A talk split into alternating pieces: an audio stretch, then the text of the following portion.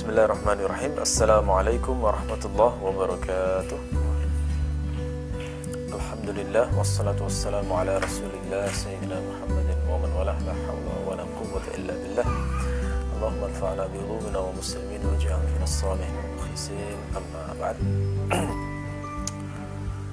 Baik, kita lanjutkan pembahasan berikutnya Kitab Matan Abu Syuja Sekarang bab yang kita bahas adalah Sunanus Salah wa hayatuha Sunnah-sunnah sholat dan hayatnya. Hayah itu makna bahasanya adalah e, bangun tubuh ya. e, Gerak atau posisi tubuh.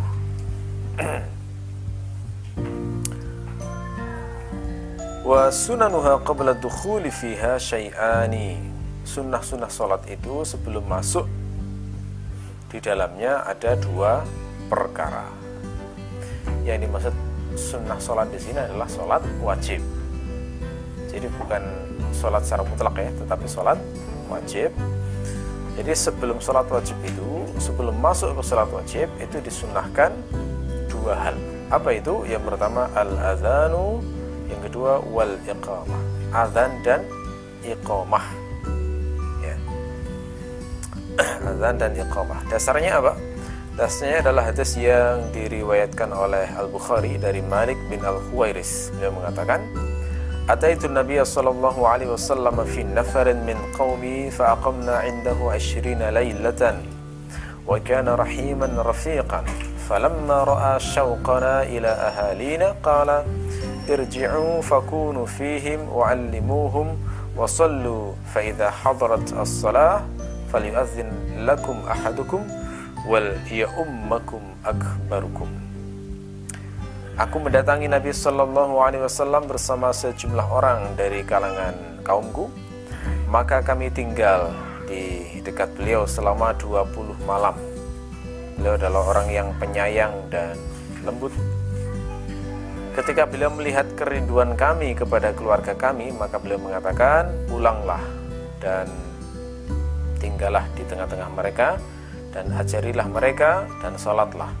Kalau sudah tiba waktu sholat, maka hendaklah salah seorang di antara kalian berazan dan hendaklah yang paling tua di antara kalian mengimami kalian." Nah, ini lafaz yang dijadikan sumber istidlal di sini adalah lafaz yang berbunyi, "Fa idza hadaratus shalah falyu'adzin lakum ahadukum." Kalau sudah tiba waktu sholat, maka hendaklah salah seorang di antara kalian berazan. Itu dijadikan dasar sunnahnya azan dengan sunnah yang kuat. Ya, ini masuk sunnah muakat di sini. Adapun dalil untuk iqamah itu ada dalam hadis riwayat Abu Dawud. Hadisnya sama, uh, cuma lafadznya sedikit berbeda. Di dalam riwayat ini Rasulullah bersabda, "Wa taqulu idza aqamta as-salata wa idza aqamta as-salata Allahu akbar, Allahu akbar, asyhadu an la ilaha illallah,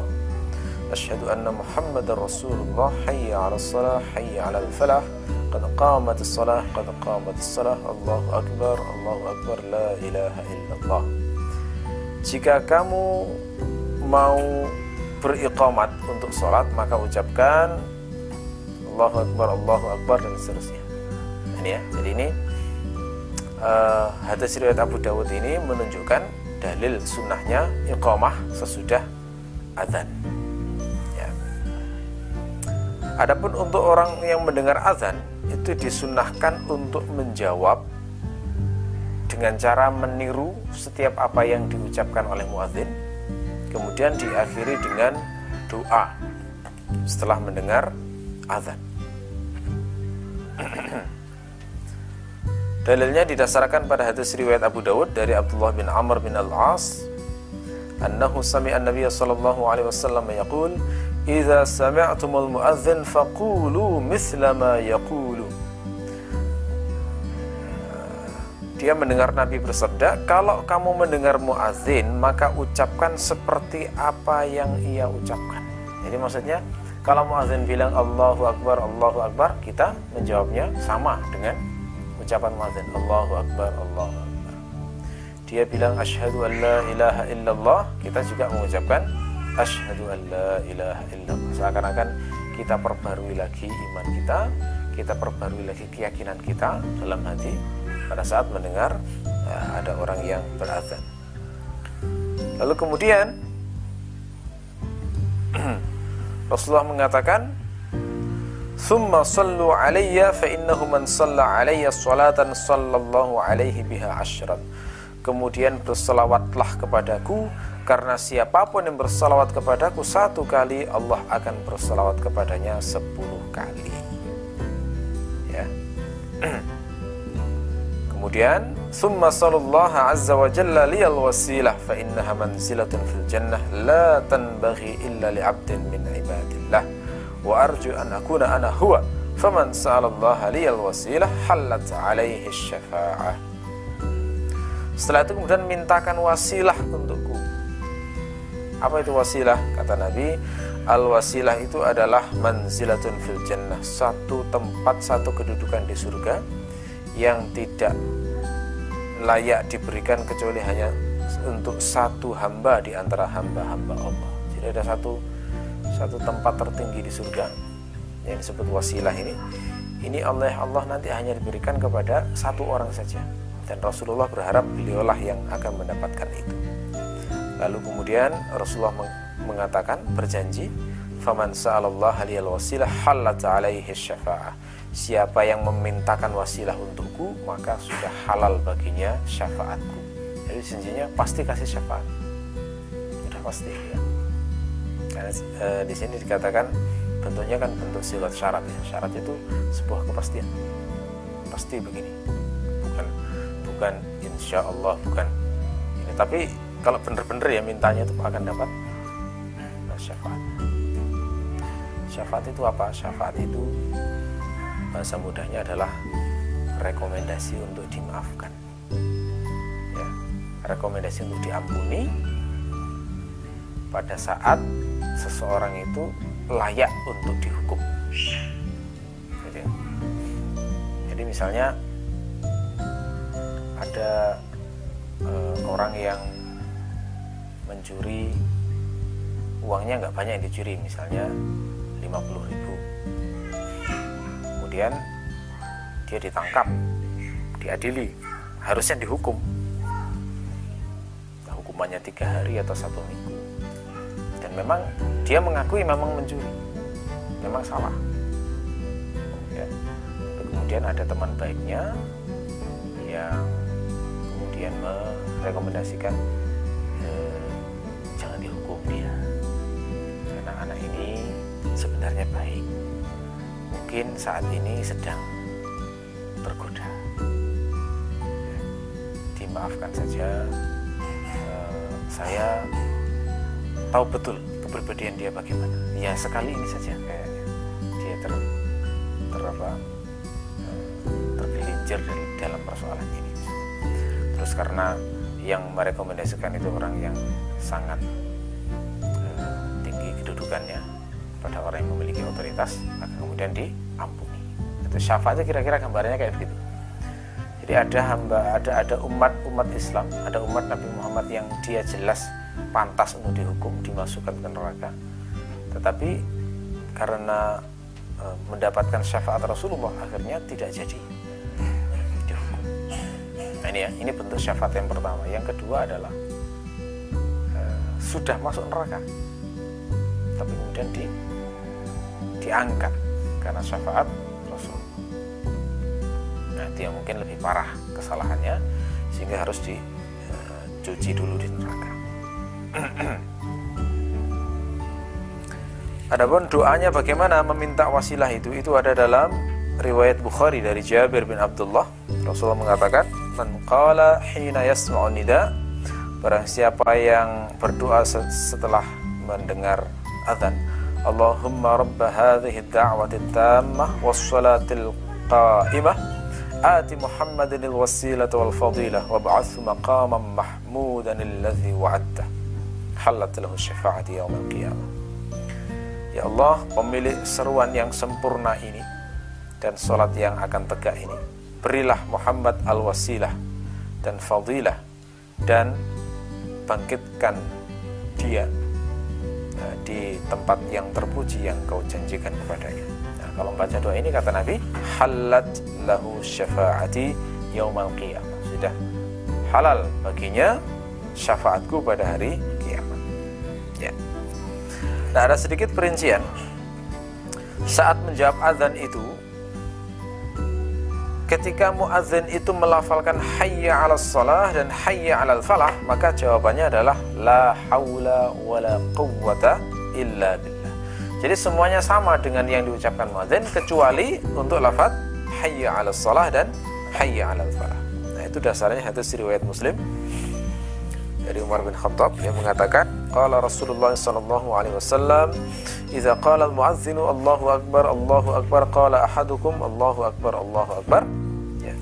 Sampai lafaz yang berbunyi summa qala hayya 'ala salah qala la haula wala quwwata illa billah summa qala hayya 'ala al-falah qala la haula wala quwwata illa billah jadi di sini uh, menjelaskan lebih detail bahwa menjawab azan itu prinsipnya semuanya ngikuti muazin kecuali lafaz hayya 'ala shalah dan hayya 'alal falah. Itu jawabannya la haula wala quwwata illa billah. Saat muazin bilang as-salatu khairum minan naum, nah ini khusus untuk subuh. Ya, itu jawabannya bagaimana? Jawabannya adalah sodakta wa bararta. Ini yang disebutkan dalam kitab-kitab Asy-Syafi'i. Sodakta wa bararta. Kemudian saat iqamah saat iqamah itu juga disunahkan menjawab sebenarnya. Cuma karena iqamah di negeri kita ini cepatnya Masya Allah jadi susah. Allahu Akbar, Allahu Akbar Mau jawab sudah asyhadu Allah Jadinya uh, kesempatan untuk menjawabnya jadi lebih sulit. Kalau saat iqamah itu sebenarnya jawabannya sama dengan azan. Allahu Akbar, Allahu Akbar, ikuti Allah. Jadi iqamat yang terbaik sebenarnya memberi kesempatan jedanya antara satu kalimat dengan yang lain bisa ini uh, membuat orang bisa meniru ya sama seperti azan saat iqamah itu uh, ngikuti suara muazzinnya kecuali pada lafaz qad qamatus shalah. Qad qamatus shalah itu jawabannya adalah aqamahallahu wa adamaha. Ya aqamahallahu wa adamaha. Di saat muazin bilang qad qamatis shalah aqamahallahu wa adamaha. Qad qamatis shalah aqamahallahu wa adamaha. Gitu ya. Itu didasarkan pada riwayat Abu Dawud dari Abu Umamah dari sebagian sahabat Nabi Shallallahu Alaihi Wasallam أن بلالا أخذ في الإقامة فلما أن قال قد قامت الصلاة قال النبي صلى الله عليه وسلم أقامها الله وأدامها Bilal itu ketika membaca qomat ketika sampai lafaz qad qamatis shalah maka Nabi menanggapi aqamahallahu wa adamaha semoga Allah menegakkannya dan me melanggengkannya maksudnya melanggengkan sholat itu. Baik jadi ini adalah uh, dua hal yang disunahkan sebelum melakukan sholat. Sebelum melakukan sholat. Ini tidak dibedakan ya apakah di masjid ataukah di luar masjid. Tetap sunnah azan dan iqamah. Ya jadi jangan dibayangkan ini hanya di masjid saja tidak. Misalnya safar terus mau sholat itu salah satu azan dulu itu masuk sunnah bagus. Ya azan dulu kemudian baru sholat. Termasuk juga misalnya kalau zaman dulu itu eh, penggembala penggembala ternak. Itu kan kadang gembalakannya seharian. Di padang-padang rumput itu. Nah itu ketika sholat kan di sana nggak ada masjid. Kalau yang kerjanya di penggembalakannya jauh dari pemukiman maka di antara sesama penggembala melakukan sholat berjamaah. Nah sebelum sholat salah satu di antara mereka azan dan iqamah. Jadi itu berlaku di situ termasuk saya hidup sendiri di hutan. Itu juga demikian iqamah dan adzan dan iqamah. Dan juga tidak dipedulikan apakah berjamaah ataukah munfarid. Itu juga disunahkan adzan dan iqamah selama bisa adzan dan iqamah nah adzan itu ketika diucapkan itu nanti juga termasuk akan menjadi saksi di akhirat terhadap orang yang mengucapkannya dan adzan keutamaan adzan itu banyak hadisnya. Hadis sahih hadis sahih yang melakukan yang menunjukkannya. Orang yang melakukan adzan itu nanti akan diletakkan di mimbar-mimbar yang mulia di hari kiamat. Lehernya paling panjang Menyebutnya begitu itu. Maksudnya menunjukkan bagaimana paling mulia di antara semua orang yang dihisap di akhirat itu. Ya itu. Wa ba'da dukhuli fiha syai'ani. Dan sesudah masuk di dalamnya ada dua hal. Ini sunnah yang dimaksud di sini adalah sunnah ab'ab istilahnya. Jadi dalam fikih syafi'i itu sunnah ada dua macam. Sunnah ab'ab dan sunnah hay'ah. Ya. Ab'ab itu apa? Ab'ab itu dari kata ba'bun ba'bun itu maknanya sebagian. Ab'ab itu bentuk jamaknya ya. Sama seperti kata tiflun dijamakkan jadi atfalun. Wazan af'alun maka ba'dun dijamakkan jadi ab'ab kenapa kok diistilahkan sunnah ab'ab karena sunnah ini itu sangat dikuatkan seakan-akan mendekati kayak rukun gitu ya. Sangat dikuatkan seakan-akan bagian dari sholat itu. Nah, itu makna ab'ad itu begitu. Jadi kalau disebut sunnah ab'ad bayangkan langsung ini sunnah yang sangat kuat karena seakan-akan bagian dari sholat tersebut. Karena itu sunnah ab'ad kalau ditinggalkan itu dianjurkan untuk sujud sahwi. Itu. Di fikih syafi'iyah begitu. Beda dengan sunnah-sunnah yang selain ab'ad hanya sunnah ab'ad ini saja yang kalau sampai lupa tertinggal itu dianjurkan untuk sujud sahwi. Apa itu? Eh, sunnah ab'ad eh, yang dua macam itu. Yang pertama adalah at-tasyahudul awal tasyahud awal. Jadi kalau sholatnya empat rakaat lalu kemudian lupa tidak tasyahud awal ya maka berarti ini meninggalkan sunnah abah. Apakah batal sholatnya tidak batal. Apakah wajib untuk mengganti? Tidak wajib. Tetapi dianjurkan untuk sujud sahwi. Gitu ya. Ini tasyahud. Apa dalil yang menunjukkan ini sunnah yang sangat dikuatkan Dasarnya adalah hadis yang diriwayatkan oleh Al-Bukhari dari Abdullah bin Buhainah. Beliau mengatakan, "Inna Rasulullah sallallahu alaihi wasallam qama min athnaini min adh-dhuhri lam yajlis bainahuma falamma qada salatahu sajada sajdataini thumma sallama ba'da dhalik." Sesungguhnya Rasulullah sallallahu alaihi wasallam bangkit dari rokaat kedua dari sholat zuhur tidak duduk di antara keduanya. Jadi maksudnya ini lupa Rasulullah. Harusnya duduk tasyahud, tapi beliau langsung bangkit, tidak tidak duduk tasyahud maksudnya, tasyahud awal. Tatkala beliau menyelesaikan sholatnya, maka beliau sujud dua kali kemudian salam. Nah ini menunjukkan beliau melakukan sujud sahwi karena meninggalkan tasyahud awal. Terus kenapa kok para fuqaha tidak memasukkannya dalam rukun? Jawabannya adalah karena Rasulullah tidak menyebut ini saat beliau itu mengoreksi orang yang sholatnya salah. Jadi istimbat rukun sholat itu diambil terutama sekali pada hadis riwayat al-musi sholatahu orang yang sholatnya itu keliru. Kan ada yang sempat saya singgung kemarin itu kan pernah suatu saat Rasulullah ketika di masjid ada seorang lelaki yang masuk kemudian melakukan sholat setelah selesai, kemudian mendatangi Nabi sambil mengucapkan salam. Terus Nabi menjawab salamnya. Terus Nabi mengatakan, irji, kembali, diulang lagi sholatnya. Fa'inna kalam tusalli, karena kamu belum sholat. Terus dia sholat lagi. Nah, selesai datang lagi pada Nabi, disuruh balik lagi, disuruh sholat kembali. Itu sampai tiga kali. Akhirnya dia putus asa sudah ya, dia bilang, Rasulullah, wahai, wahai Rasulullah, saya sudah nggak bisa lagi sholat yang lebih baik dari yang aku lakukan tadi ajarilah saya maka Nabi kemudian mengajari detail-detail sholat itu ah, nah dari yang beliau sebut itu mulai dari takbiratul ikhram kemudian baca al-fatihah dan seterusnya di situlah kemudian digali oleh para fukaha ini rukun sholat Nah ini hadis terpenting tentang sholat itu memang hadis yang disebut ulama dengan hadis al-musi sholatah. Ini sampai disendirikan sendiri oleh Ibnu Hajar syarahnya ya, untuk menunjukkan betapa pentingnya hadis ini yang menjadi inti dari istimbat fikih sholat.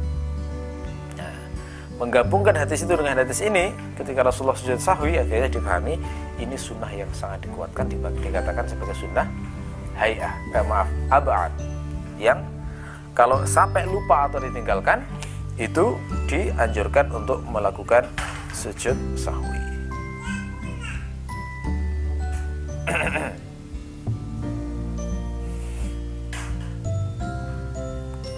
Kemudian yang kedua adalah wal qunut fi subhi, qunut subuh. Nah, itu termasuk juga eh, sangat dianjurkan karena dalam kalau dalam riwayat Muslim itu dikatakan lam yazal Rasulullah Sallallahu Alaihi Wasallam. Rasulullah itu senantiasa terus menerus, gitu ya. Kunut subuh. Jadi kalau dikatakan terus menerus kunut subuh, itu kan kuatnya sunnahnya bukan sekedar biasa, tapi sunnah yang sangat kuat. Sehingga kalau sampai lupa kunut subuh dalam madhab syafi'i itu dianjurkan untuk sujud sahwi. Dasar kunut subuh itu apa? Yang disebut Al-Baihaqi dalam As-Sunan Al-Kubra adalah riwayat Ibnu Abbas beliau mengatakan Kana Rasulullah sallallahu alaihi wasallam yu'allimuna du'aan nad'u bihi fil qunuti min salati subhi.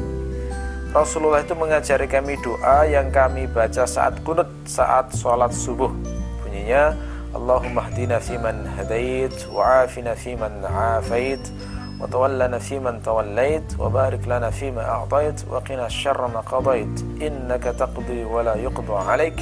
Innahu la yazillu man walait. Tabarakta wa ta'alait. Ini lafaz hadisnya ya. Kalau di negeri kita biasanya imam itu baca ada yang keras ada yang dipelankan. Gitu ya. Saat baca Allahumma hdina fiman hadait wa afina fiman afait keras ya. Wa tawallana fiman tawallait wa barik lana fima a'tait wa qina syarra ma sampai sini berhenti biasanya. Terus diam. Itu bukan diam ya. Tetapi membaca dengan pelan. Apa yang dibaca? Lanjutannya. Innaka taqdi wa la yuqtu alaik innahu la yadhillu man walait tabarakta wa ta'ala. Kenapa kok dibedakan antara keras dan pelan? Nah ini kalau diterangkan oleh Al-Mawardi dalam Al-Hawi Al-Kabir dia mengatakan bahwa dibaca keras itu karena bermakna du'aun bermakna doa. Sementara yang dibaca pelan itu bermakna sana pujian kepada Allah gitu ya. Jadi ketika pujian itu kan nggak mungkin diaminkan. Maksudnya begitu. Sementara yang doa itu minta sehingga diaminkan oleh jamaah. Jadi kalau imam membaca eh, fa innaka taqdi wa la alaik amin. Salah itu artinya makmumnya ya memang belum paham. Dan itu keliru ya. Tidak boleh. Makanya mukmin itu minimal wajib ngerti bacaan-bacaan sholat itu biar tidak muncul perilaku-perilaku yang menunjukkan nggak ngerti bacaan yang dibaca ya. jadi sana itu bukan diaminkan sana itu untuk diucapkan. Makanya mungkin eh, apa di, diam itu biar dibaca sendiri-sendiri karena kalau bareng kan bisa kisruh itu. Bisa nggak serempak. Satunya ingin baca pelan apa ingin baca cepat satu ingin baca lambat nah, jadinya nggak sinkron. Ya. Jadi ini ini dalil untuk bacaan kunut pada saat sholat subuh. Wafil witri dan juga saat witir. Jadi dalam mazhab syafi'i juga sholat witir itu disunahkan untuk kunut di rakaat yang terakhir itu didasarkan pada hadis riwayat Abu Dawud. Dari Al Hasan bin Ali yang mengatakan Allamani Rasulullah sallallahu alaihi wasallam kalimatin aquluhunna fil witri. Rasulullah mengajari aku kalimat-kalimat yang aku ucapkan saat witir. Ya bunyinya Allahumma hdini fi man hadait wa afini fi man afait wa tawallani fi man tawallait wa barik li fi ma a'tait wa qini syarra ma qadait innaka taqdi wa la yuqda alaik wa innahu la yadhillu man walait wa la ya'izzu man adait tabarakta rabbana wa ta'alait nah, ini sigatnya munfrad sigatnya untuk satu orang. Ya. Ini untuk uh, kunut witir. Kemudian yang ketiga adalah fin nisfis tsani min syahri Ramadan. Fil witri fin nisfis tsani min syahri Ramadan. Ya. Witir pada paruh kedua di bulan Ramadan. Jadi maksudnya kalau sudah tanggal 15 sampai akhir Ramadan, maka itu disunahkan membaca witir selesai sholat taraweh. Jadi taraweh, kemudian witir, kemudian uh, di akhir itu dibaca uh, doa kunut. Itu dasarnya adalah hadis riwayat Abu Dawud, yakni perbuatan Ubay bin Kaab yang tidak diingkari oleh sahabat-sahabat Nabi di hadis riwayat Abu Dawud itu dinyatakan an Muhammad an ba'di ashabihi anna Ubay bin Ka'ab ammahum yakni fi Ramadan wa kana yaqnutu fi nisfil akhir min Ramadan bahwasanya Ubay bin Ka'ab mengimami mereka di bulan Ramadan dan beliau berkunut pada separuh terakhir dari bulan Ramadan. Ya, jadi bisa disimpulkan. Uh, sunnah ab'ad ini dua macam ya tasyahud awal dan kunut. Kunut saat subuh dan witir ya di separuh kedua bulan Ramadan. Jadi ini biasanya dipraktekkan di beberapa masjid ya tapi enggak semuanya. Kadang-kadang masjid saat Ramadan itu kalau sudah tanggal 15 bawah itu witirnya pakai kunut ada pula yang tidak. Yang kalau yang pakai kunut nah ini memang umumnya masjid-masjid di NU tapi nggak semua NU juga karena mungkin nggak semua NU ngaji mata Abu Suja gitu ya. Jadi ya nggak kena di situ. Baik kita lanjutkan. Wahayatuha khamsata asyara khaslatan dan sunnah hayahnya itu ada 15 perkara. Khaslah boleh kita terjemahkan. E, perkara ya. Sebenarnya khaslah itu makna bahasanya adalah dahan pohon dahan pohon jadi dahan itu kan cabang-cabang dari sebuah pohon ya. Nah, makanya kadang suatu pembahasan fikih itu diserupakan dengan cabang-cabang pohon itu untuk menunjukkan rincian sesuatu. Makanya disebut khoslah. Ya, ini penggunaan makna secara uh, majasi. Apa saja sunnah-sunnah sholat itu? Yang pertama, raf'ul yadaini inda takbiratil ihram wa inda ruku'i wa raf'i minhu mengangkat kedua tangan saat takbiratul ihram dan saat ruku dan mengangkat dari ruku itu. Jadi ngangkat tangan takbiratul ihram uh, diangkat tangan Allahu Akbar setinggi uh, apa pundak ya. Setinggi Allahu Akbar begini. Kemudian saat mau ruku diangkat Allahu Akbar, kemudian bangkit dari ruku sami Allahu liman hamidah itu tiga mengangkat tangan yang tergolong sunnah. Artinya, seandainya ditinggalkan, sholatnya tetap sah. Andai kan tidak diangkat tangannya, maka sholatnya tetap sah. Ya, kemarin ada pertanyaan, gimana orang yang sholat terlambat? Orang sholat terlambat itu, ketika mendapati imam dalam keadaan ruku, itu nggak langsung ruku. Keliru ya, tapi takbiratul ihram dulu karena itu rukun ya. Jadi takbiratul ihram dulu Allahu akbar. Setelah itu kemudian baru mengikuti imam. Allahu akbar mengikuti imam. Takbir lagi untuk mengikuti imam.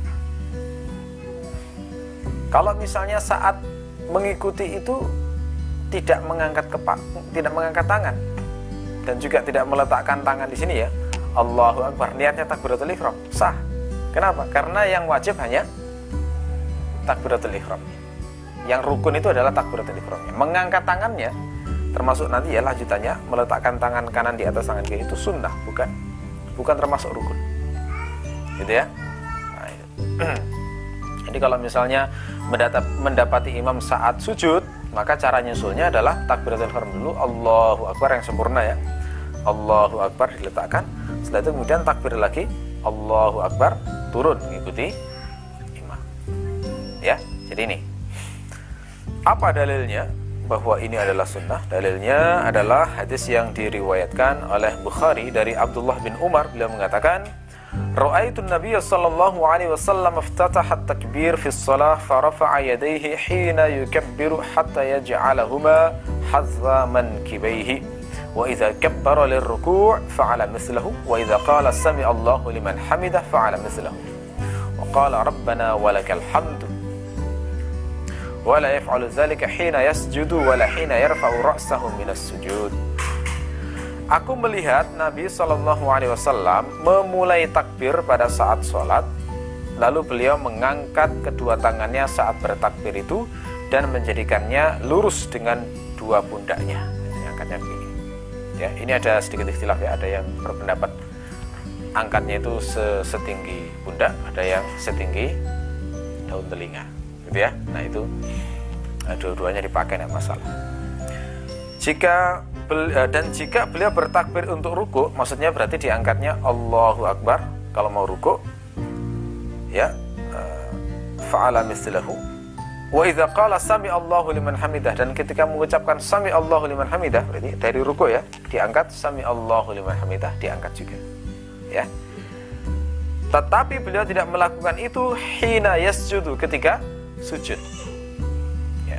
maksudnya adalah ketika duduk kemudian mau sujud Allahu Akbar itu enggak Allah apa?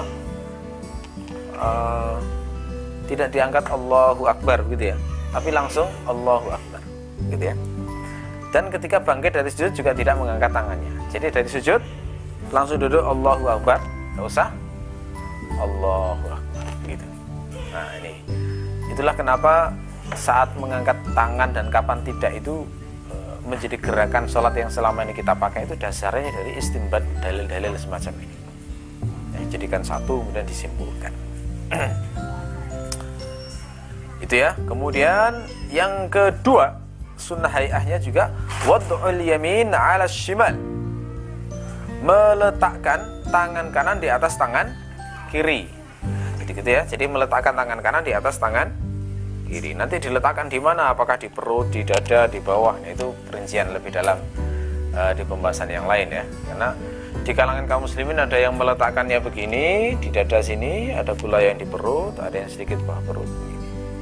Jadi macam-macam. Ada yang agak miring bahkan. Ya. Yang jelas ini yang disunahkan di sini adalah meletakkan tangan kanan di atas tangan kiri. Dasarnya adalah hadis riwayat Muslim dari Wa'il bin Hujr annahu ra'a Nabi sallallahu alaihi wasallam rafa'a yadayhi hina dakhala fi shalah kabbara.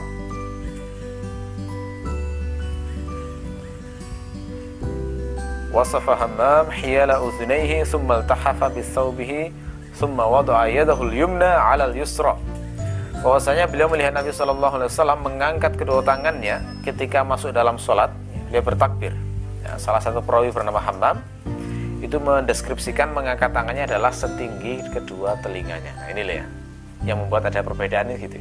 Makanya kalau kita lihat orang salat itu ada yang angkat tangannya setinggi ini pundak Allah Akbar ini ya. Itu didasarkan hadis riwayat Bukhari dari Abdullah bin Umar tadi. Ada pula yang angkatnya setinggi telinga Allah.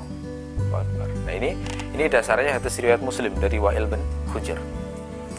Kemudian lafaz yang penting di sini berbunyi summa wada'a yadahul yumna 'alal yusra. Kemudian beliau meletakkan tangan kanannya di atas tangan kirinya. Inilah yang jadikan dasar mengapa meletakkan tangan kanan di atas tangan kiri dihukumi sunnah. Yang ketiga adalah wat tawajjuh. Ya. Wat tawajjuh ini maksudnya adalah membaca doa iftitah. Ya, kenapa dinamakan tawajjuh? Karena doa iftitahnya itu diawali lafaz wajah tu wajhiya lilladzi dan seterusnya. Ya itu tawajjuh itu dari kata tawajjah tawajjah itu maksudnya menghadapkan wajah. Menghadapkan wajah mengarahkan wajah ke arah tertentu eh, fokus eh, karena ada satu tujuan gitu ya. Itu tawajjuh maksudnya di situ. Dalil das, eh, sunnahnya tawajuh atau membaca doa iftitah ini adalah hadis riwayat Bukhari eh, Muslim dari Ali bin Abi Thalib dari Rasulullah Sallallahu Alaihi Wasallam bahwasanya jika beliau melakukan salat maka beliau berdoa wajah tu wajhiya lilladzi fataras samawati wal ard. Nah, ini lafaz hadisnya diawali wajah tu. Terus ada pertanyaan, kok yang dihafalkan dipraktekkan ada kata ini wajah tu Kenapa kok ada ininya gitu ya? Nah, itu nggak masalah. Sebenarnya ini itu menggabungkan doa yang disebutkan dalam Al-Quran. Kalau di Al-Quran itu diawali ini, ini wajah tu wajahiyah begitu ya. Dan hadis kan menjelaskan Quran. Jadi menggabungkan itu nggak masalah menurut saya. Karena menggabungkan redaksi doa sekian banyak redaksi itu kalau pendapat An Nawawi justru bentuk yang paling afdol karena eh, saya bisa menerima itu karena kadang-kadang itu bisa dikatakan saling melengkapi karena riwayat itu begini ya riwayat hadis itu nggak semuanya itu bil lafzi kadang bil makna kadang satu perawi meriwayatkan satu lafat begini yang lain melafatkan begitu bukan karena Rasul itu mengucapkan beda-beda tapi daya ingat perawinya itu yang bermacam-macam. Jadi apa yang diingat perawi ini kadang nggak diingat perawi sana. Nah itu ketika digabung kan sempurna, betul itu. Makanya saya uh, setuju dengan An Nawawi yang mengatakan menggabung doa itu paling afdol.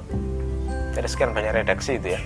Kalau doanya sama, termasuk juga bahkan doa yang berbeda-beda redaksi juga tidak tidak masalah digabung.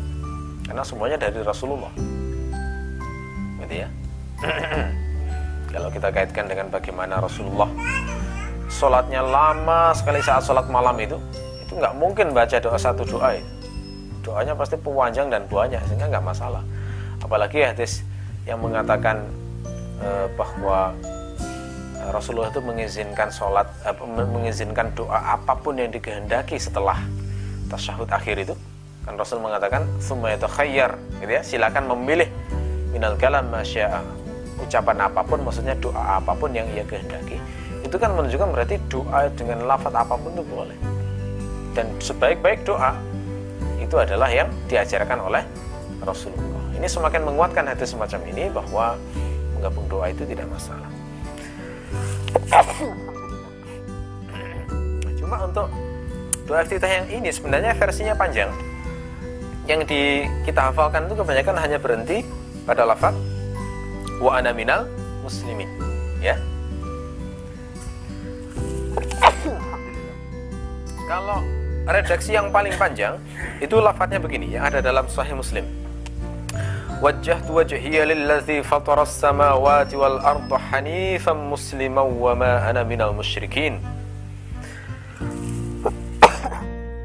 إن صلاتي ونسكي ومحياي ومماتي لله رب العالمين. لا شريك له وبذلك أمرت وأنا من المسلمين. اللهم أنت الملك. لا إله إلا أنت. أنت ربي وأنا عبدك. ظلمت نفسي واعترفت بذنبي. فاغفر لي ذنوبي جميعا. إنه لا يغفر الذنوب إلا أنت. واهدني لأحسن الأخلاق. لا يهدي, لا يهدي لأحسنها إلا أنت. واصرف عني سيئها. لا يصرف عني سيئها إلا أنت. لبيك وسعديك والخير كله في يديك. ilaik ana bika wa ilaik tabarakta wa ta'alait astaghfiruka wa atubu ilaik ini doa iftitah yang lengkap sebenarnya begini ya jadi kalau dalam kondisi yang ideal sebaiknya memang dibaca itu dan kalau belum hafal seharusnya idealnya dihafalkan ya biar doanya variatif biar sholatnya juga semakin lama semakin baik Itu dalil dari sunnahnya tawajuh. Yang keempat adalah wal isti'adah. Mengucapkan ta'awudz. A'udzubillahi minasyaitonirrajim. Kapan ini diucapkan? Itu mengucapkannya sebelum membaca Al-Fatihah. Jadi setelah baca iftitah itu disudahkan baca A'udzubillahi minasyaitonirrajim. Kemudian baru Bismillahirrahmanirrahim Alhamdulillahirabbil dan seterusnya. Jadi sebelum membaca Al-Fatihah disunahkan membaca ta'awudz. Terus ta'awudznya itu di rakaat pertama saja atau ke rakaat kedua juga sampai akhir atau bagaimana? Nah, jawabannya adalah ta'awudz itu disunahkan di semua rakaat. Itu pendapat mu'tamad mazhab Syafi'i. Jadi bukan hanya di rakaat pertama, tetapi di semua rakaat. Begitu masuk rakaat kedua mau Fatihah baca lagi A'udzubillahi minasyaitonirrajim yang terbaik lafadznya a'udzubillahi minasyaitonirrajim boleh juga mengucapkan a'udzubillahis samiil alim minasyaitonir rajim min hamzihi wa nafthihi wa nafathih. Boleh. Gitu ya.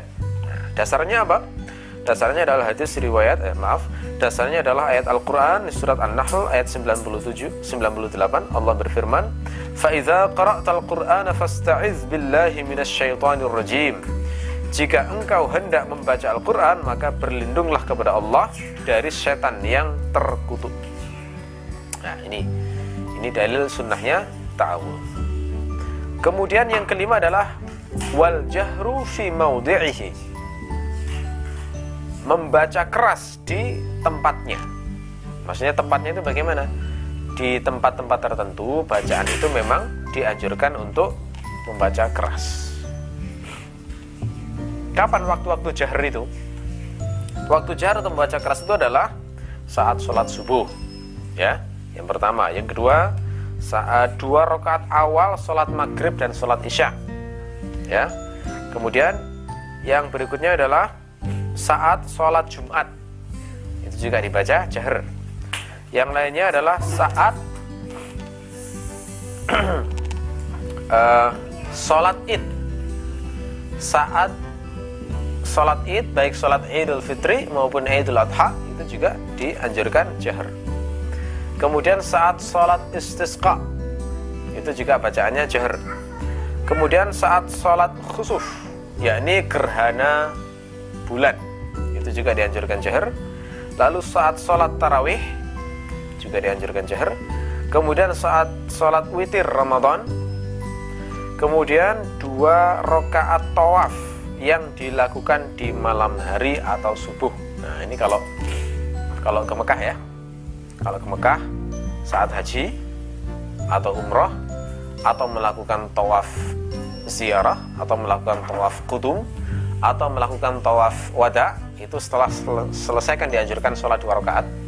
Nah, itu kalau tawafnya pas waktunya adalah malam hari atau pas subuh, maka dianjurkan bacaannya itu jahar ya dikeraskan kalau qiyamul lail itu bacaannya pertengahan antara sir dan jahar jangan terlalu keras karena nanti akan mengganggu tetangga. Nanti dibilang soleh kan tidak enak gitu ya.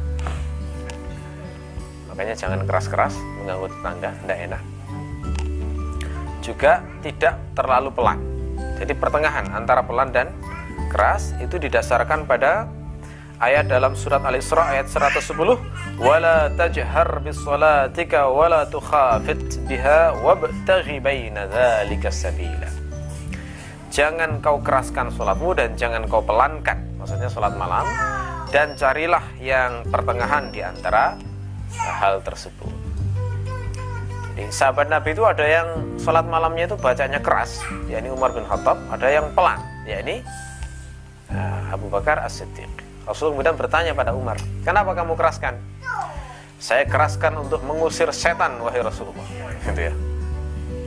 Abu Bakar ditanya, kenapa kau pelankan? Saya pelankan karena sudah cukup saya dengarkan untuk saya sendiri, wahai Rasulullah. Maka Nabi mengatakan, wahai Umar, pelankan sedikit. Wahai Abu Bakar, keraskan sedikit. gitu ya. Jadi pertengahan antara peran dan keras. Itu bacaan untuk sholat malam seperti itu.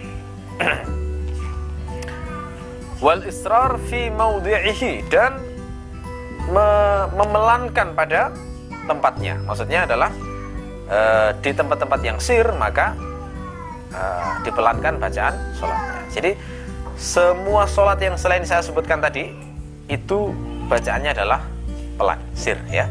Zuhur, asar, kemudian rokaat ketiga dan keempat zuhur dan asar apa maghrib isya itu semuanya disir Nah, semua ini dasar hadisnya banyak yang menerangkan ini ya. Saya gabung jadi satu antara jahar dengan sir. Dalil-dalilnya. Di antara dalilnya adalah hadis riwayat Bukhari dari Muhammad bin Jubair bin Mut'im dari ayahnya beliau mengatakan, "Sami'tu Rasulullah sallallahu alaihi qara'a fil maghrib bit-tur." Aku mendengar Rasulullah wasallam membaca surat At-Tur di saat maghrib. Nah, ini kan menunjukkan berarti bacaannya jahar, ya kan? Maghrib berarti bacanya jahar berdasarkan hadis ini karena sahabat Nabi mendengar Rasul mendengar eh, Rasul membaca surat At-Tur. Juga hadis riwayat Al-Bukhari dari Al-Bara beliau mengatakan sami'tu Nabi sallallahu alaihi wasallam yaqra'u wat-tini waz-zaitun fil 'isya wa ma sami'tu ahadan ahsana sawtan minhu Aku mendengar Rasulullah Sallallahu Alaihi Wasallam membaca Wattini wa Zaitun, berarti surat Atin. Kapan? Fil Isya di waktu Isya. Dan saya tidak mendengar orang yang suaranya lebih indah daripada beliau. Nah, ya. Berarti saat baca surat Atin itu wah luar biasa ya, indah sekali sehingga sampai terkesan. Termasuk juga riwayat bacaan Rasulullah saat sholat subuh yang didengar oleh jin di Sahih Bukhari diceritakan kisahnya wa huwa yusalli bi ashabihi salat al-fajr falamma sami'u al-Qur'an istama'u lahu. Beliau dan sahabat-sahabatnya itu sholat subuh, tatkala para jin itu mendengar bacaan Quran, maka mereka menyimaknya. Dan tidak mungkin disimak kalau tidak keras bacaannya. Nah, dari sini disimpulkan berarti sholat maghrib, isya, dan subuh bacaannya jahar untuk dua rakaat yang pertama. Untuk dalil salat sir, misalnya di Sahih Bukhari dari Abu Ma'mar, beliau mengatakan, kami bertanya pada Khabbab, apakah Nabi Shallallahu Alaihi Wasallam membaca pada salat zuhur dan asar? Maka Khabbab mengatakan, iya. Kami bertanya, bi in kuntum ta'rifuna? Dengan cara apa kamu mengetahui? Mereka mengatakan, bittirabi lihiyatihi. Dengan gerakan janggutnya. Janggutnya itu kelihatan kalau dari belakang persis nggak kelihatan, tapi kalau dari sana kan kelihatan ya dari makmum yang soft depan terlihat Rasulullah oh, sedang gerak-gerak janggutnya. Nah, ini pasti nggak mungkin sedang makan ya tetapi membaca uh, bacaan gitu ya. Itu menunjukkan berarti untuk zuhur dan asar itu sholatnya sir karena yang diketahui hanya gerakan janggutnya. Suaranya apa? Tidak diketahui. Termasuk juga riwayat Bukhari dari Abu Hurairah yang mengatakan e, terkait dengan sholat yang dibaca keras. Fama asma'na Rasulullah sallallahu alaihi wasallam asma'nakum wa ma akhfa anna akhfaina ankum. Wa in wa in lam tazid ala ummil Qur'an ajazat ajza'at. Wa in zidta fahu khair. Abu Hurairah mengatakan apa yang diperdengarkan Rasulullah kepada kami maka kami perdengarkan pula pada kalian. Dan yang disembunyikan Rasulullah pada kami kami sembunyikan dari kalian. Maksudnya ngajari sir dan jaharnya itu lah seperti bentuk yang kita pahami saat ini. Itu dasar dari kenapa ada yang sir dan ada yang jahar yang kedelapan wat takmin dan mengucapkan amin. Ya, jadi mengucapkan amin itu termasuk sunnah kalau imamnya sampai lupa ngucap amin makmumnya lupa ya, bareng-bareng diam semuanya setelah walad dolin sholatnya tetap sah ya. Karena itu adalah termasuk sunnah bukan wajib. Dasarnya apa? Dasarnya hadis riwayat Abu Dawud dari Abu Hurairah. Beliau mengatakan karena Rasulullah sallallahu alaihi wasallam idza tala ghairil maghdubi alaihim waladdallin qala amin hatta yasma'a man yalihi min as-saffil awwal adalah Rasulullah itu jika mengucapkan ghairil maghdubi alaihim waladdallin beliau mengucapkan amin hingga orang yang berada di dekat beliau di sof yang pertama mendengar bacaan tersebut. Nah, ini menunjukkan imam itu juga baca amin, bukan hanya makmum saja. Cuma aminnya imam tidak terlalu keras. Ya, aminnya imam itu didengar sof yang pertama. Cukup itu sudah. Seperti yang dicontohkan oleh Rasulullah. Makmum juga disunahkan baca amin dalam salat berjamaah berdasarkan hadis riwayat Al-Bukhari dari Abu Hurairah bahwasanya Rasulullah sallallahu alaihi wasallam bersabda, "Idza qala al-imamu ghairil maghdubi alaihim waladdallin faqulu amin fa innahum man wafaqa qawluhu qawlal malaikah ghufira lahu ma taqaddama min dhanbi." Rasulullah bersabda, jika imam mengucapkan ghairil maghdubi alaihim waladdallin, maka ucapkan amin karena barang siapa yang ucapannya bertepatan dengan ucapan malaikat, maksudnya malaikat kan juga mengucapkan amin saat sholat itu, maka akan diampuni dosa-dosanya yang telah lalu. Makanya sholat itu membersihkan itu kayak begini ya. Sholat itu diibaratkan itu seperti mandi di sungai di depan rumah tiap hari.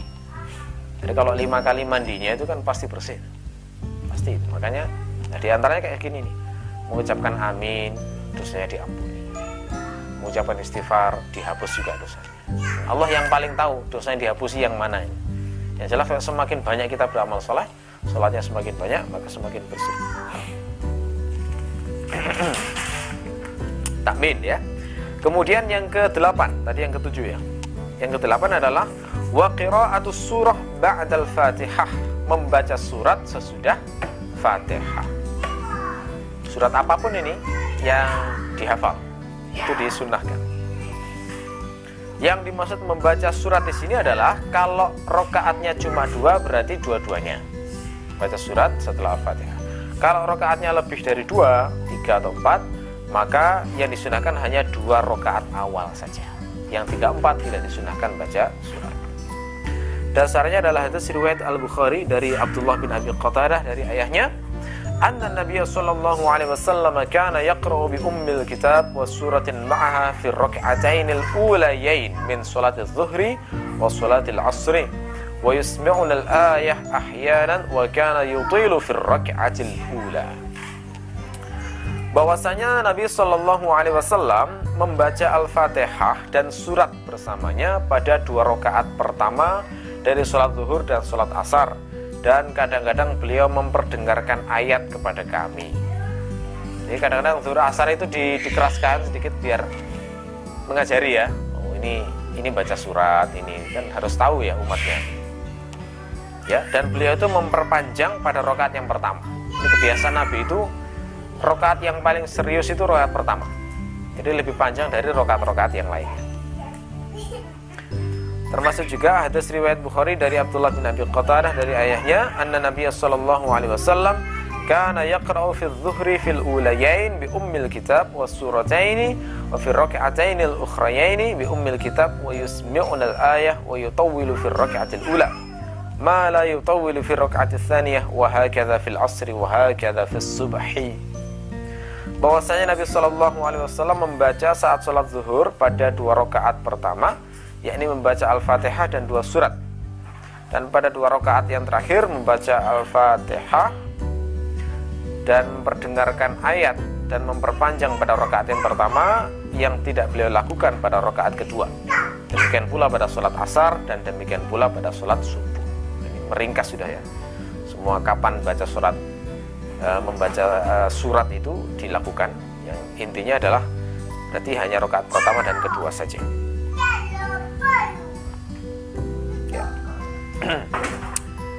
Kemudian yang kesembilan adalah wat takbirat indar raf'i wal khafdi. Takbir-takbir saat naik dan turun. Jadi mengucapkan Allahu Akbar saat turun, Allahu Akbar saat naik itu termasuk sunnah, bukan rukun ya. Termasuk sunnah. Dasarnya adalah hadis riwayat Al-Bukhari dari Abu Hurairah أنه كان يصلي بهم فيكبر كلما خفض ورفع فإذا انصرف قال إني لأشبهكم صلاة برسول الله صلى الله عليه وسلم Abu Hurairah itu sholat mengimami orang-orang Beliau bertakbir setiap kali turun dan naik Dan ketika beliau selesai beliau mengatakan Aku adalah orang yang paling mirip sholatnya dengan Rasulullah Sallallahu Alaihi Wasallam Gitu ya, ini dijadikan dasar Eh, kenapa takbir itu disunahkan saat naik turun. Kemudian yang ke-10 wa qaulu sami Allahu liman hamidah rabbana walakal hamdu. Mengucapkan sami Allahu liman hamidah rabbana walakal hamdu. Ini maksudnya bangkit dari ruku, ruku itu bacaannya bukan Allahu Akbar tetapi sami Allahu liman hamidah ya. Allah mendengar siapa yang memujinya. Itu maknanya begitu terus mengucapkan Rabbana walakal hamd. Bagimu ya Allah segala puji. Ya. Ada sahabat yang membuat bacaan Rabbana walakal hamdu hamdan kathiran tayyiban mubarakan. Fih setelah selesai Rasul manggil siapa yang mengucapkan gitu tadi? Setelah kemudian saya wahai Rasulullah Rasul mengatakan aku melihat ada 30 malaikat berebut untuk mencatat ucapanmu tadi ya. Ini diterangkan oleh para ulama uh, kenapa angka? 30 itu karena sesuai dengan jumlah huruf yang diucapkan dari sahabat yang mengucapkan lafaz tadi. Gitu ya. Jadi memang ini menegaskan ya bahwa tidak ada satu huruf pun kebaikan yang kita ucapkan melainkan dicatat oleh para malaikat. Ya. Dasarnya apa dasarnya uh, lanjut dulu ya. Wat tasbih fir ruku' was sujud. Dan tasbih pada saat ruku' dan sujud. Jadi tasbih saat ruku' itu mengucapkan subhana rabbiyal azim. Atau ditambah subhana rabbiyal azim wa bihamdi. Kalau ruku' subhana rabbiyal a'la. Atau ditambah subhana rabbiyal a'la wa bihamdi. Atau variasi bacaan yang lain. Nah ini ini dalilnya jadi satu. Dasarnya adalah hadis riwayat muslim dari Hudzaifah. Beliau mengatakan nah ini hadis panjang tentang salat malam Rasulullah beliau menceritakan Sallaitu ma'an Nabi sallallahu alaihi wasallam dzata lailatin Aku salat bersama Nabi sallallahu alaihi wasallam pada suatu malam maka beliau mulai membaca Al-Baqarah. Kemudian uh, aku berkata nanti beliau akan rukuh pada ayat ke-100 ternyata beliau melanjutkan. Aku berkata mungkin beliau akan sholat memakai seluruh Al-Baqarah dalam satu rakaat Ternyata beliau melanjutkan, maka aku berkata, sekarang beliau akan ruku. Ternyata beliau memulai membaca surat An-Nisa. Beliau membaca, kemudian beliau mulai membaca surat Al Ali Imran. Beliau membaca dengan tenang. Jika melewati ayat tasbih, beliau bertasbih. Jika melewati ayat permintaan, maka beliau berdoa. Kemudian jika melewati ayat ta'awuz, maka beliau berta'awuz. Kemudian beliau ruku. Kemudian beliau mengucapkan Subhana Rabbiyal Azim. Nah, ini jadi dasar kenapa disunahkan tasbih saat ruku. Ya. Maka rukuknya itu sekitar hampir sama dengan berdirinya. Kemudian beliau mengucapkan Sami Allahu liman hamidah. Nah, ini dasarnya kenapa? Dianjurkan, disunahkan baca Sami Allahu liman hamidah. Kemudian beliau berdiri lama, hampir sama dengan rukuknya. Kemudian beliau sujud, kemudian mengucapkan Subhana Rabbiyal A'la. Nah, ini dasar Mengapa membaca tasbih saat ruku dan sujud itu disunahkan? Makanya kalau orang itu misalnya ruku dan sujud nggak membaca doa itu, tapi merealisasikan sifat tumak ninah, sah sholatnya. Jadi nggak harus baca itu, karena ini termasuk sunnah memang, sunnah hayah. Ya, ini solutif sekali untuk orang-orang yang tua renta baru belajar Islam. Karena kalau langsung dituntut menghafal semua bacaan sholat kan berat itu. Jadi nggak apa-apa pelan-pelan, sholatnya sebisanya, saat ruku ya hanya ruku saja. Nggak usah baca apa apa yang penting tenang. Ya tenang tuh maknina niatnya adalah mengagungkan Allah. Nah, sudah selesai. Ya. Termasuk juga solutif untuk orang-orang yang mualaf yang baru masuk Islam. Nah itu solutif sekali. Penjelasan semacam ini. Mana rukun mana sunnah mana uh, wajib mana yang tidak itu sangat penting untuk itu. Kemudian termasuk juga uh, yang sunnah adalah yang ke-12 wa wad'ul yadaini 'ala al-fakhidaini fil julus yabsutul yusra wa yaqbidul yumna illa al-musabbihah innahu yushiru biha mutasyahhidan meletakkan kedua tangan di atas kedua paha saat duduk jadi tangannya diletakkan di atas kedua paha saat duduk, membentangkan tangan kiri dan menggenggam tangan kanan. Jadi tangan tangan kirinya dibentangkan, tangan kanan digenggamkan illal musabbihah kecuali telunjuk. Nah, ini maksudnya telunjuk itu digunakan untuk apa? Fa innahu yushiru biha mutasyahidan. Karena ini digunakan untuk memberikan isyarat seraya bertasyahud. Ya, bersaksi gitu ya yang saya terangkan tadi dengan yang saya terangkan kemarin dengan gerakan ikatan 53 itu ya nah ini seperti ini gerakan jadi begini jadi dibentangkan tangan kanannya yang tangan kanan menggenggam kecuali telunjuk ini kalau dibahas lebih dalam di kitab-kitab fikih ya ini membuat ikatan 53 itu ya dasarnya apa? Dasarnya adalah hadis riwayat Al-Bukhari dari Muhammad bin Amr bin Atta. Bahwasanya beliau duduk bersama sejumlah sahabat Nabi Shallallahu Alaihi Wasallam. Kemudian mereka menyebut sholat Nabi Shallallahu Alaihi Wasallam maka Abu Humaid As Sa'idi mengatakan aku adalah orang yang paling menghafal sholatnya Rasulullah Shallallahu Alaihi Wasallam. Terus beliau cerita panjang Maka yang terkait dengan sunnah yang kita bahas ini ada lafat yang berbunyi begini.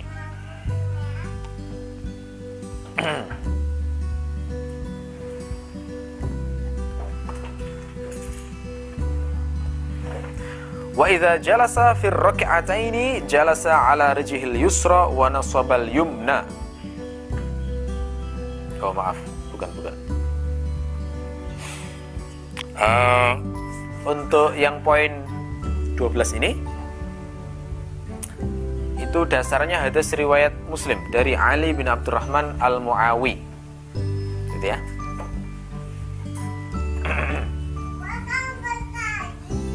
nah, lafaz di situ yang dijadikan istidlal berbunyi Idza jalasa fi shalah wada'a kaffahul yumna ala fakhidhihi yumna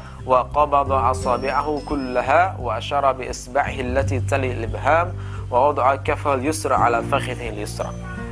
Beliau itu jika duduk di salat, beliau meletakkan tang telapak tangan kanannya di atas pahanya, di atas paha kanannya dan menggenggam jari-jarinya seluruhnya dan memberikan isyarat dengan jari yang dekat jempol. Berarti kan ini tahu maksudnya. Jari dekat jempol itu berarti maksudnya adalah telunjuk atau di sini bahasanya adalah musabbihah. Dan beliau meletakkan telapak tangan kirinya di atas paha kirinya. Ya, jadi ini ini ini dasar eh, kenapa disunahkan meletakkan tangan kanan di atas paha. Jadi kalau misalnya ada orang yang belum tahu sholat yang benar, kemudian tidak meletakkan tangannya di atas paha, atau misalnya cara meletakkannya keliru misalnya menggenggam semua begitu ya.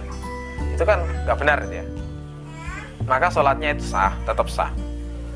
Tapi tidak melakukan hal yang sunnah. Nah, itu pentingnya pembahasan ini begitu. Kemudian yang ke-13 wal iftirash fi jami'il jalasat dan duduk iftirash pada semua duduk.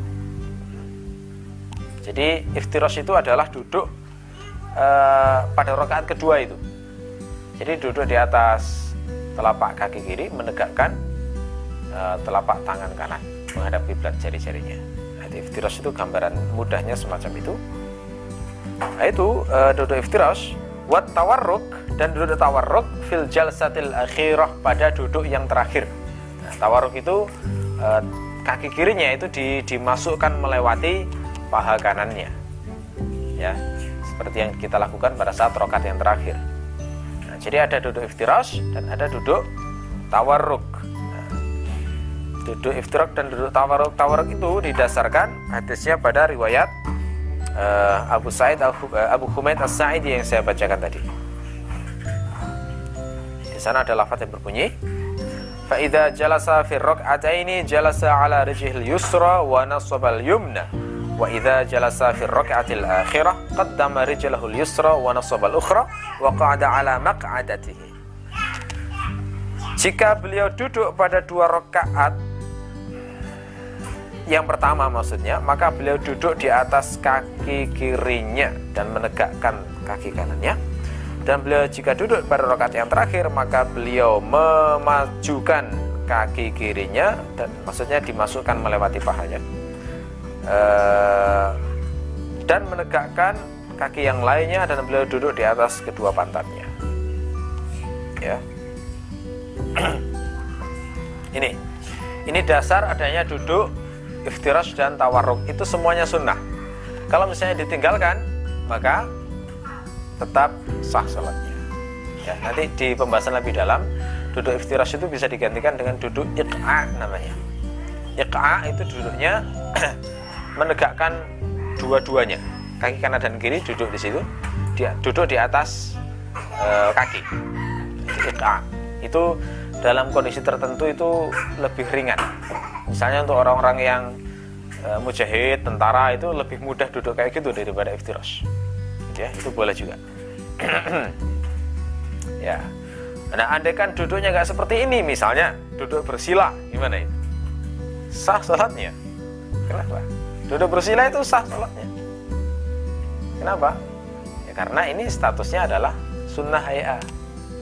Misalnya orang sakit, nggak bisa iftiros, kakinya misalnya luka atau atau bengkak atau bagaimana duduk iftiros nggak bisa tawar nggak bisa duduk sebisanya itu nggak masalah karena yang ditinggalkan bukan rukun yang ditinggalkan adalah hal sunnah atau misalnya karena kejahilan belum ngerti duduknya bersila sah yang penting semua rukunnya dilaksanakan ya.